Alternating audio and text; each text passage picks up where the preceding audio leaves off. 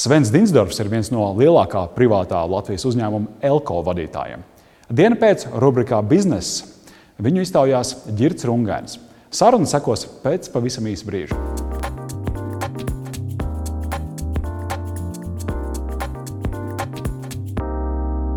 Mēs apzināti runājam ar uzņēmumiem, kuri ir lieli, bet joprojām spēj būt inovatīvi un lūkojas ārpus Latvijas. Viens no tādiem, kas piedzīvojis labu pieaugumu, top 101, ir Elko grupa, IT komponentu loģistikas uzņēmums. Strauji aug un paplašina apjomus arī ārpus Latvijas. Mans šodienas sarunu biedrs ir Elko valdes priekšsēdētājs Svens Dinsdorfs.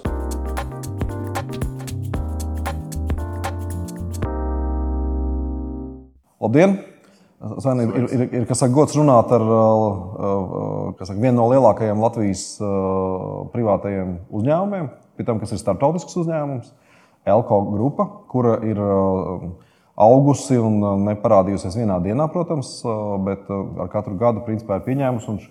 Šī gada, ja mēs redzam, tad nesen bija top 101, un faktiski kompānija ir pieaugusi no 120 miljonu vērtības 2006. gadā līdz kas ir 432, gandrīz pusmiljardam šogad. Un, un gribētu saprast, nu, varbūt paskatīties tagad mazliet vēsturē, cik ir, tas ir vērsts uz skat, skatītāju, kas redz šos veiksmus stāstus, saprast, kā tas ir sācies, kā savā laikā kādiem mērķiem Alko tika dibināts un, un par ko tika domāts un kā, kā šie mērķi, es pieņemu, ir pārsniegti. Nu, es pats nebiju pirmsākumos klāts, bet, nu, protams, stāsts esmu dzirdējis daudz. Es pašu, pats ar grupu esmu 15 gadu kopā. Bet, protams, man viss ir stāstīts, simt reizes atstāstīts un dažādos formos. Bet, nu, ja tā paskatās filozofiski, kas, kas, kāds bija mērķis dibinot šo uzņēmumu, tad nu, laikam jau bats, vienkārši triviāls bats. 90. gadi sākums, četri studenti, ģimenes, draudzenes jābaro. Nu, tie bija tie trakie 90. Viens IT preču darījums, otrs, un tā, tā uzsākās tirzniecība. Četri, četri latviešu studenti, uzņēmēji uzsāka biznesu no nulles, kurš tagad ir vairāk kā 2 miljardu apgrozījums. Triviāli, bet tā tas ir. No, nu, no nu, nu, tā rodas divi jautājumi. Vien, viens ir, nu, tātad, kā šis bizness tomēr laika gaitā ir transform, transformējies. Jo skaidrs, ka nu, tie ap, apjomi un, un varbūt Tas, tas, ko jūs varējāt izdarīt sākumā, šobrīd jums ir plašs spektrs, gan komponentu, gan iekārtu, plašā geogrāfijā. Nu, tomēr tā, tā pārējai nav tāda automātiska droši vien. Protams, tā nav statiska bilde. Un, un, un tas viss, kas pamatā tam bija, nu, kas 90. izteikti bija svarīgi, nobināt labas attiecības, respektīvi, spēt labi komunicēt un būt uzticamam partnerim. Un, un, un tas, es domāju, tas mums gēnos valkās līdzi bet tas ir tas, ko pamats, ko ielika akcionāri strādājot Latvijā, Baltijā, tālāk jau pievienojot partnerus Krievijā. Ukrainā un, un pēc tam vēršoties tālāk uz Austrumu Eiropu. Principā visa grupa ir izveidota uz tādu joint venture principu. Un, protams, arī pašiem akcionāriem, attīstot to uzņēmumu, saprotot, ka kādā brīdī jānodod tas tālāk menedžmentam, kas nav, kas nav viegls solis uzticēties, uzticēt savu savu bērnu un savu naudu kādam citam pārvaldīt. Bet, nu, acīm redzot, vienā vai otrā veidā šī transformācija veiksmīgi notika. Tādā tā rezultātā es šeit sēžu. Nu jā, jo, jo faktiski Elko tādā ziņā, man liekas, ir viens no šiem pozitīvajiem piemēriem. Mēs šajā sērijā iepriekš runājām ar, ar virsmu, kā saka, kompāniju. Un tur arī spēja nodot tālāk profesionālam menedžmentam. Tad, man liekas, vēl daudziem Latvijas uzņēmējiem ir, ir sarežģīta problēma. Tā ir, tā ir plaši izplatīta uh, slimība. Un, uh, nu, jā, es pat, uh, es pat uh, grūti iedomāties, kurš uzņēmums izaudzis liels, ilgspējīgs, uh, bez, bez kaut kādas zināmas uh, varas nodošanas menedžmentam. Un tad varbūt vēl no tā pirmā jautājuma ir, ja tagad varbūt tie studenti vairs nav tik izbadējušies, kā mēs bijām 90. gada sākumā vai 80. un 90. gada mijā. Bet tā teikt, nu, tā vai citādi šobrīd gribētu nodibināt uzņēmumu, kurš nākotnē arī būtu, saka, kur vērtība būtu kaut kāds reizinātājs no, no, no miljardiem. Vai, vai viņiem tas joprojām ir iespējams, vai tas ir iespējams šī no, no, nozarē, plašā izpratnē, un, Un kā tas sasaucās teiksim, ar Elko plāniem, varbūt tu, tuvākajā nākotnē, es domāju, tādiem operāciju, nu, kā saka, biznesa attīstības plāniem. Jā, nu, industrija kā tāda ir nobriedusi. Respektīvi, tas, kas IT distribūcijas nozara raksturoja, ir tas, ka ļoti svarīgs ir liels apjoms. Un tev visu laiku ir principā, jādzen tas apjoms aizvien tālāk augšā, vai nu izspiežot konkurentus, vai, vai nu, vienkārši iegādājoties viņus. Jo nu, tur viss ir uz santīmiem un uz, uz izmaksas bāzi, respektīvi, cik viņi ir optimāli. Kad es pievienojos Elko grupai, nopelnīt bija ļoti viegli. Jautājums bija, vai tev bija nauda, un tu biji pietiekami sakarīgs, lai to preci nogādātu tirgu. Pārdot nebija problēmas. Tagad ir pavisam citi laiki, nu, un tas arī izskaidro iemeslus, kāpēc mēs augam. Mums vienkārši nav iespējas palikt uz vietas. Tātad vai nu, vai nu kusties, vai nu mirsti. Nu, mums, ziemeļniekiem, tas diezgan raksturīgi. Mēs stāvētu uz vietas, nekustētos, mēs nosaltu vienkārši. Tā kā, tā kā viss ir loģiski. Jautājums, vai kādam cilvēkam no malas uh, ir iespējams uzaugt tādu lielu biznesu? Nu, laikam tāds statisks, kā viņš tagad, tas būtu diezgan grūti. Ja nu vienīgi tā, caur finanšu inženieriju, respektīvi, uzpērkot, uzpērkot tirgus spēlētājus. Bet arī pašā laikā dinami, tirgus ir ļoti dinamisks un biznesa mainās. Un, un tie pavērsieni var būt iespējami dažādi. Mēs runājam par cloud biznesu, kur, kur ne tikai programmatūra aiziet mākonī, bet aiziet arī pakalpojumu mākonī.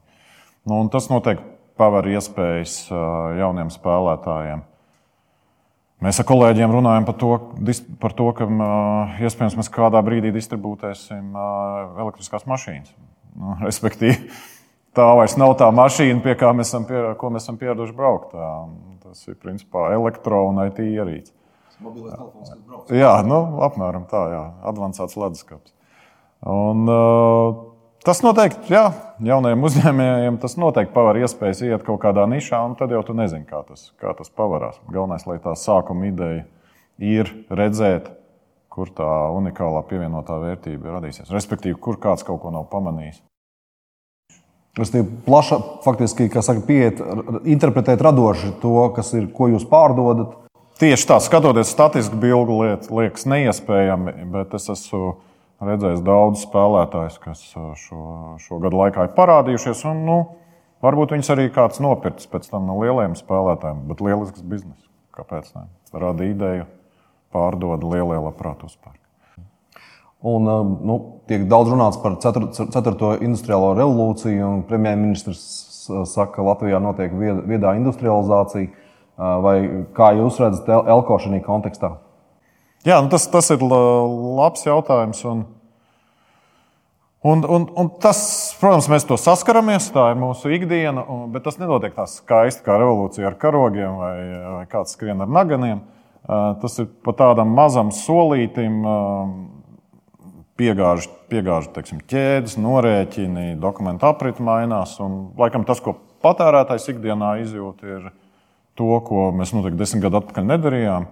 Respektīvi, saņemot, pasūtot preci kādā internetu veikalā, jūs aizējat uz to pašu pakomātu, viņi izņemt.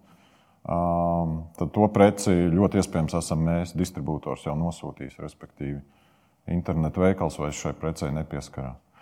Nu, tā, ir, tā ir tā digitalizācija un, un, un, un kā tie procesi mainās. Tā ir tā vide, kur mēs dzīvojam. Un, tā, tā, tādā pašā veidā mēs piemēram apkalpojam Huawei un Honor telefonus Krievijā, marketplaceos, respektīvi uzturam viņu veikalu. Nu, nu, tāda piemēra, kur desmit gadu atpakaļ neviens nevarēja to iedomāties. Restīvi, jūs esat tas, tas apakšā esošais kaut kāds guļošs. Guļošais mugurkauls, kas, kas uztur visu jā, to, to jā, tās noliktavas, tā gudrā noliktavu. Teiksim, ja? Jā, bet tā visa ekosistēma, kas notiek, viņi vienkārši paliek gudrāk, viņi izspiež liekas darbības ārā. Nu, respektīvi, vi, vi, viss sakonsolidējās. Bet tā pašā laikā man ir jāatzīst, ka mēs nedzīvojam nekādā kosmosā. Tā, mums, piemēram, portfelī ir simtiem ražotāju, un mēs strādājam diezgan lielā mērā manuāli joprojām ar viņiem. Jo katram ražotājam ir unikāls process, katram vajag savu formu, papīru.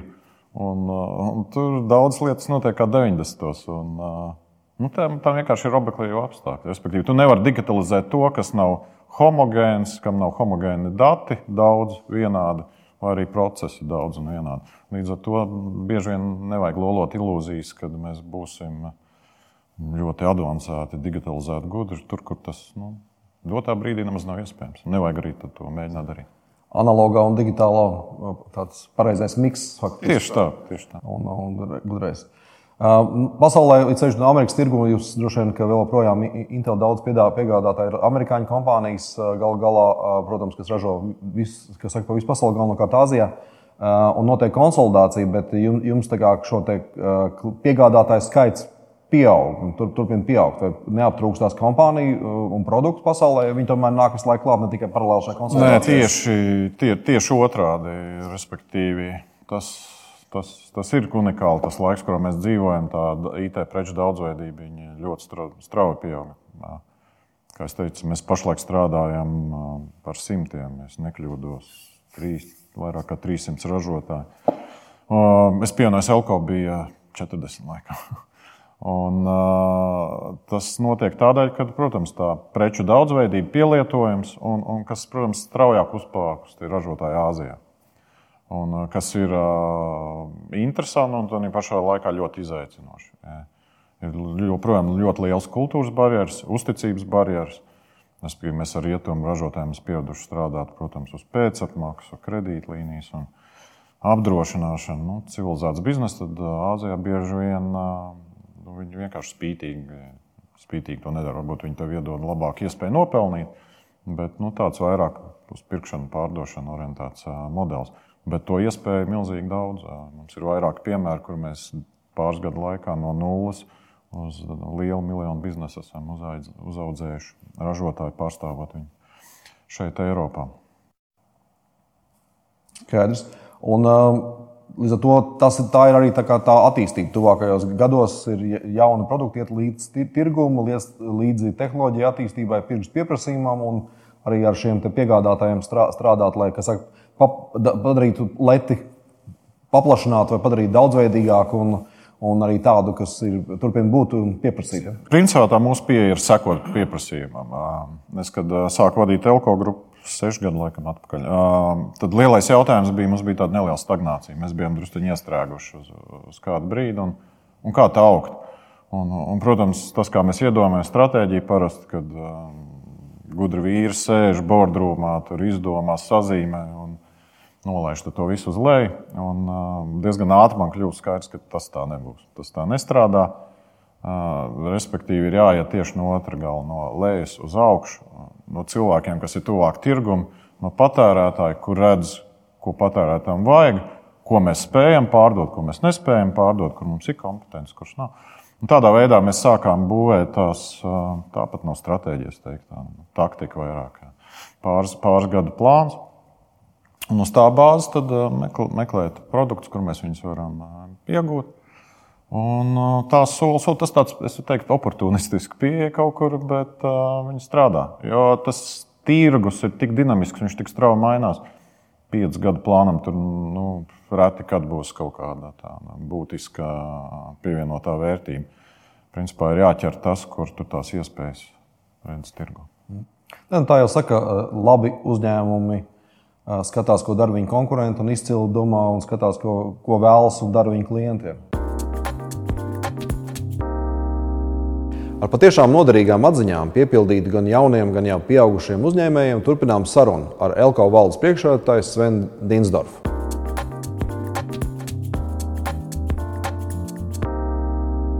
Līdz ar to, ja paskatāmies kopā, kā saka, nokondensēt to Elko pieredzi ir, ir, ir būt izsalkušiem, sākt no, no, nozarē, kur ir kompetence vai izglītība vai, vai kaut kāda, kaut kāda izpratne, un tālāk pieņemt to dzīvi un biznesu, un biznesa vidi un tirgus tādu, kādi viņi ir. Un um, augt, saprotot, ka ir, ka ir jāaug, un attiecīgi arī negulēt uz lauriem, bet spēt sev teikt, pārradīt no jauna kaut kādos svarīgos momentos un augt līdz tam biznesam. Un, un uh, organiski attīstīties un nebaidīties būt ambicioziem un, un, un tā. tā kā, Tā īstenībā es, es domāju, ka jā, ļoti pareizi. Un, uh, ja piemetināt vēl, nu, tad tā izaugsme, teiksim, laba ideja, ļoti labi. Ja izdodas startēt ļoti labi, jābūt gatavam tai izaugsmē, respektīvi, kā virzīt tālāk. Un, un, un šeit, laikam, jau uzņēmējs nonāk tādā brīdī, kad viņam ap sevi, sevi jāspēj radīt labu komandu, pieaugt labs cilvēks un labi komunicēt ar viņiem. Tas, es domāju, būs tas kritiskākais. Un, un šis, es domāju, tas, kas izdevās Elko gadījumā, pakāpeniski no gada uz gadiem būvēt to, ka viņi noteikti ir. Uzņēmums ir ļoti transformējies gadu gaitā, bet nu, tādā noteiktā brīdī tur ir bijusi pareizā komanda uz vietas, un uh, viņi ir saturējusies. Un, un akcionāri ir devuši tās iespējas darbiniekiem strādāt. Kā ir ar tiem cilvēkiem? Apkārt atskan žēl, žēlabs par to, ka darba spēks ir grūtāk pieejams, viņa kvalitāte, kaut kādos aspektos krītas, ka mazāk ir inženieri vai vispār jaunu, mazāk mīl skaitīt mūsu izpratnē, kā to mācīja pirms kaut kāda laba laika. Ja? Vai, vai jūs arī to jūtat? Ja nu, jā, darba spēks ir milzīgs, milzīgs izaicinājums. Atrodam jau mēs tos talantus un, un labos cilvēkus, bet nu, var just viņu tirgu ir maz. Un tas var būt ierobežojošs faktors ekonomikā. Es domāju, mums jau tuvāko gadu laikā diezgan, diezgan nopietnas tas izaicinājums. Vienkārši fiziski nebūs uh, nebūs cilvēki pietiekami, lai apkalpotu ja labas idejas. Es, es ticu, ka biznesam būs labas idejas. Uh, valstī jādomā par imigrāciju. Es neredzu citu, citu izēju. Uh, Viņai jābūt saprātīgai, bet par to ir jādomā. Es saprotu, tas ir populistiski, nepo, nepopulāra tēma, bet uh, es, uh, es, es neredzu citu, citu veidu, kā mēs šo ekonomiku uzturēsim, šo milzīgo teritoriju. Nu, atvērtā pasaulē, atvērtā tirgu arī sabiedrībai, droši vien ekonomikai ir jābūt atvērtai. Tā skaitā, protams, arī, arī saka, speciālistu un darbspēku pārvietošanās ziņā. bet bet no tā pašā laikā tas risinājums un arguments ir, ir, ir maksāt vairāk. Un jūs, kā liela faktiski, un starptautiska kompānija, tīri teorētiski droši vien kad nu, jūs, jūs arī relatīvi spējat maksāt augstas algas par to, kas ir šeit tirgu. Protams, ok, kaut kāds noliktavs, nu, saka, vai viņš vada noliktavu sakņbāzē, vai teiksim, jūs noliktavā droši vien ir atšķirīga, bet, bet viņi nav desmitkārši, tā pieņem, kas saka, algā vai pat ne tūtām. Kā... Jā, protams. Jā. Un, man, un es esmu laimīgs par darbiniekiem, kuriem nu, kur, kuri pie, piedzīvo to algu izaugsmu. No dienas beigās viņi, viņi dzīvo labi. Viss vis ir loģiski. Bet tas, kas man uztrauc, kad mēs varam nonākt situācijā, kur ir pietiekami daudz labu biznesa ideju ar augstu pievienoto vērtību, bet kādam ir jāstrādā. Tas ir viens. Un otrs, cik izglītots tas darba spēks būs un cik mēs tiekam līdzi ar savu izglītības sistēmu. Nu, par to man arī ir bažas. Jā, teiksim, ja es paskatos uz Elko, kā viņš ir progresējis no 90. gadiem līdz šodienai, tad vai tādā solī gājis mūsu izglītības sistēmai. Es esmu pārliecināts, nē.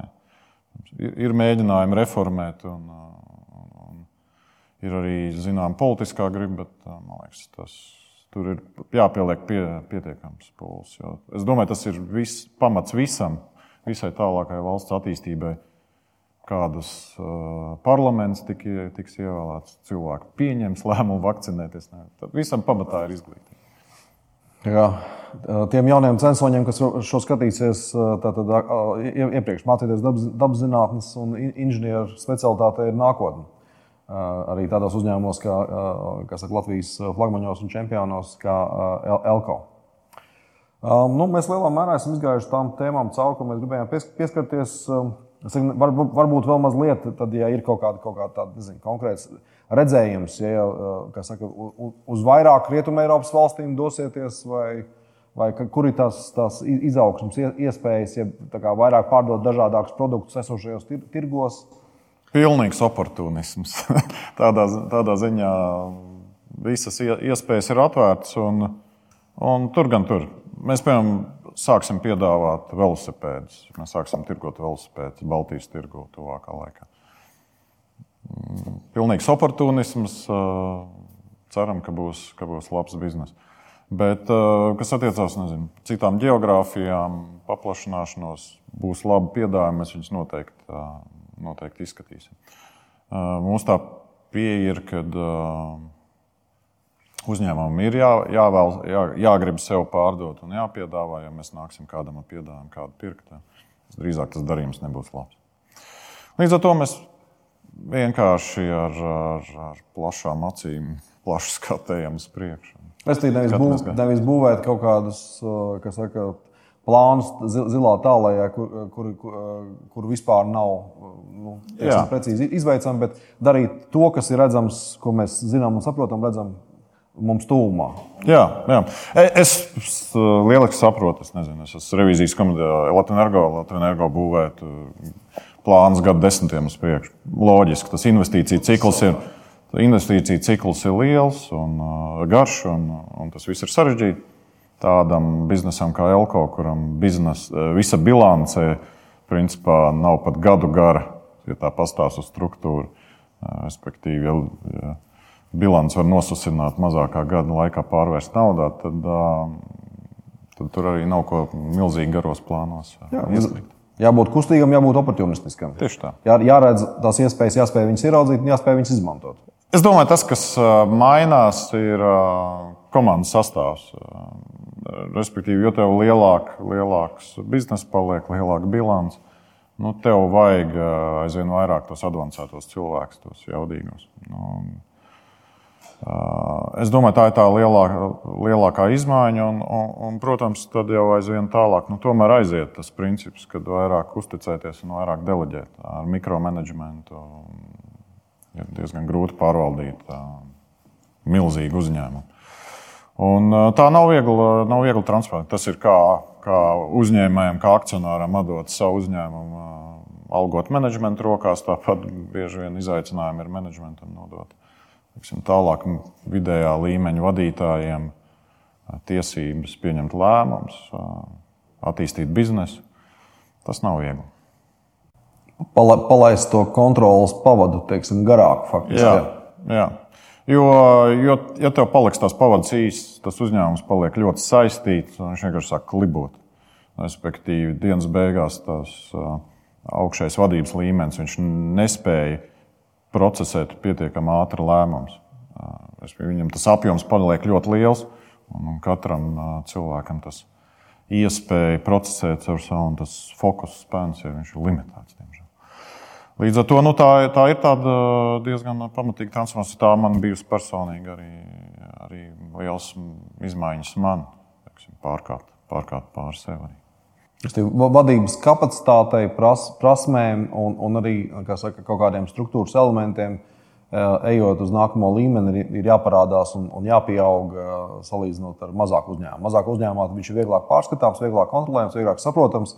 Lielā, jo lielāks bizness, jo vairāk tev ir lēmumu pieņemšanai, ir jābūt tuvāk klientam. Tu nevari viņu centralizēt, izpildīt, kā tu varēji pirms brīža. Un, Jā. un, es domāju, tā kultūra, ko mēs Elko cenšamies kultivēt iekšienē, ir, kad uh, mēs vairs uh, tik daudz neapspriežam uh, tos lēmumus, ko kāds uh, padotais ir izdarījis. Mēs vairāk apspriežam to, kāda bijusi tā loģika pieņemot to lēmumu. Respektīvi, Mēs visi spēlējam loteriju šajā dzīvē. Mēs pieņemam kaut kādus lēmumus, kur ir 50 uz 50. Var sanākt, var nesanākt. Bet jautājums ir, kā tu līdz tai izvēlēsies nonākt. Ja vienkārši tu akli, arbitrāri uh, mēģini pieņemt lēmumus, skaidrs, ka tas uh, pie nekā laba nenovedīs. Bet, kad tev katru reizi aiz tavu lēmumu zinām loģiku, ok, šoreiz nesanāca, bet nākamais trāpīšu, tas rod arī tādu drošības kultūru. Nu, respektīvi, ja es, ne, es cītīgi strādāju, mēģināju, mēģinu izvērtēt tos biznesa variants, iespējas, kas man ir, un es nebaidos uzlikt likt uz viņām. Un man pēc tam, ja tomēr kaut kas nesanāk, neviens nesoda, tad tas rada, rada tādu drošu vidi, un tas kultivē tās jaunās idejas un audzē biznesu. Restīvi ne, nevis koncentrēties uz konkrētu lēmumu, kas saka, kontroli, kur ir liels nenoteiktības elements, bet uz lēmumu pieņemšanas procesa kvalitāti, kuram jānodrošina saka, pietiekami augstā skaitā gadījumu, to pozitīvo iznākumu. Jā, tieši tā.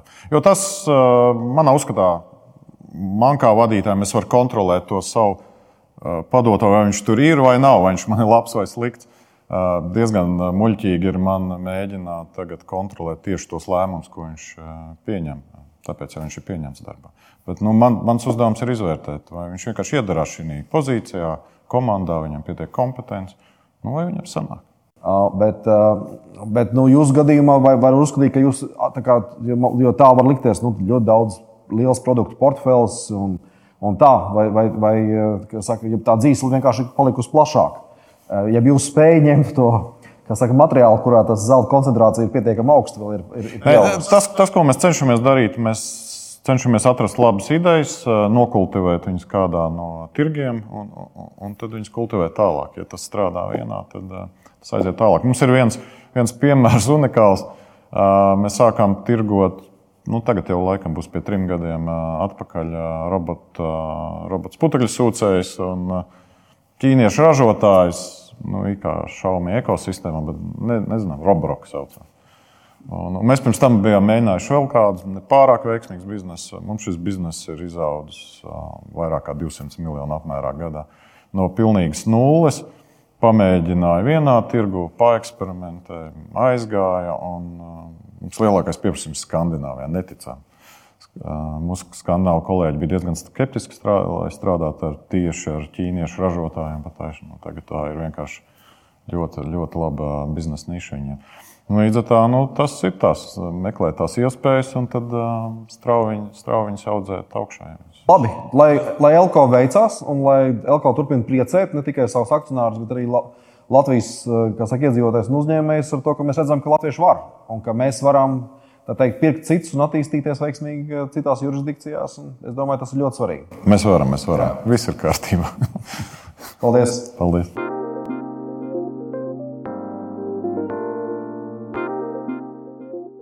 to, ko iegūst no uh, cilvēkiem, kas dara atbildīgu darbu augstā līmenī. Jo, uh, nu, faktiski, protams, ir jābūt izpratnē un gatavībai to uzņemt, bet tev ir jālasa grāmatu, grāmatas un daudz lietas. Un no viņa tu saņem tādu saka, īso kondensātu. Tāpēc, protams, ir ļoti svarīgi vienmēr komunicēt visaugstākajā līmenī, jo, jo tie priekš biznesa un priekš domas attīstības ir tie īsceļi, shortcut. Un, ja tu runā ar tādu vadītāju, tu redzi un ieraugi to ainu no viņa augstuma. Tas ir kā lūkoties no kalna galotnes. Tev ir tā saka, priek, priekšrocība tajā brīdī, paskatīties apkārt, un tu ieraugi to ainavu, kā viņi citi neredz, tie, kas, kas krāpjas vēl kalnā. Uzmanību! Diena pēc YouTube kanālā esam pievienojuši trīs jaunus video no senākas um, vēstures. Uh, Proti, tā ir saruna ar Kasparu Vendeli, kurā viņš um, norāda uz to, ka atgriezniskā saite um, ir ļoti vērtīga katram, kurš savā dzīvē meklē jaunus dzīves modeļus. Tā ir saruna ar Kasparu Breidaku, kurš uh, uzskata, ka laba klausīšanās uzlabos arī komunikāciju. Un uh, tā ir saruna ar Rīgas Tehniskās Universitātes zinātņu prorektoru Tāli Juhnu, kurš saka, ka zinātnē ir nozīme tikai tad, ja tā ir jēgpilna.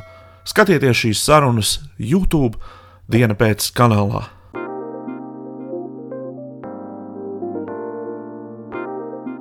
Šī raidījuma autors bija Girts Rungains, redaktors Kristaps Petersons, operatori Artūrs Liepiņš un Mihails Safronovs. Savukārt par montāžu parūpējās Edgars Eglīts, kurš starp citu varat redzēt arī dienu pēc šovā astoņos. Mans vārds ir Oskars Priedu, un ar tevi tieši ar tevi jau tikšos atkal pēc nedēļas. Visu labu!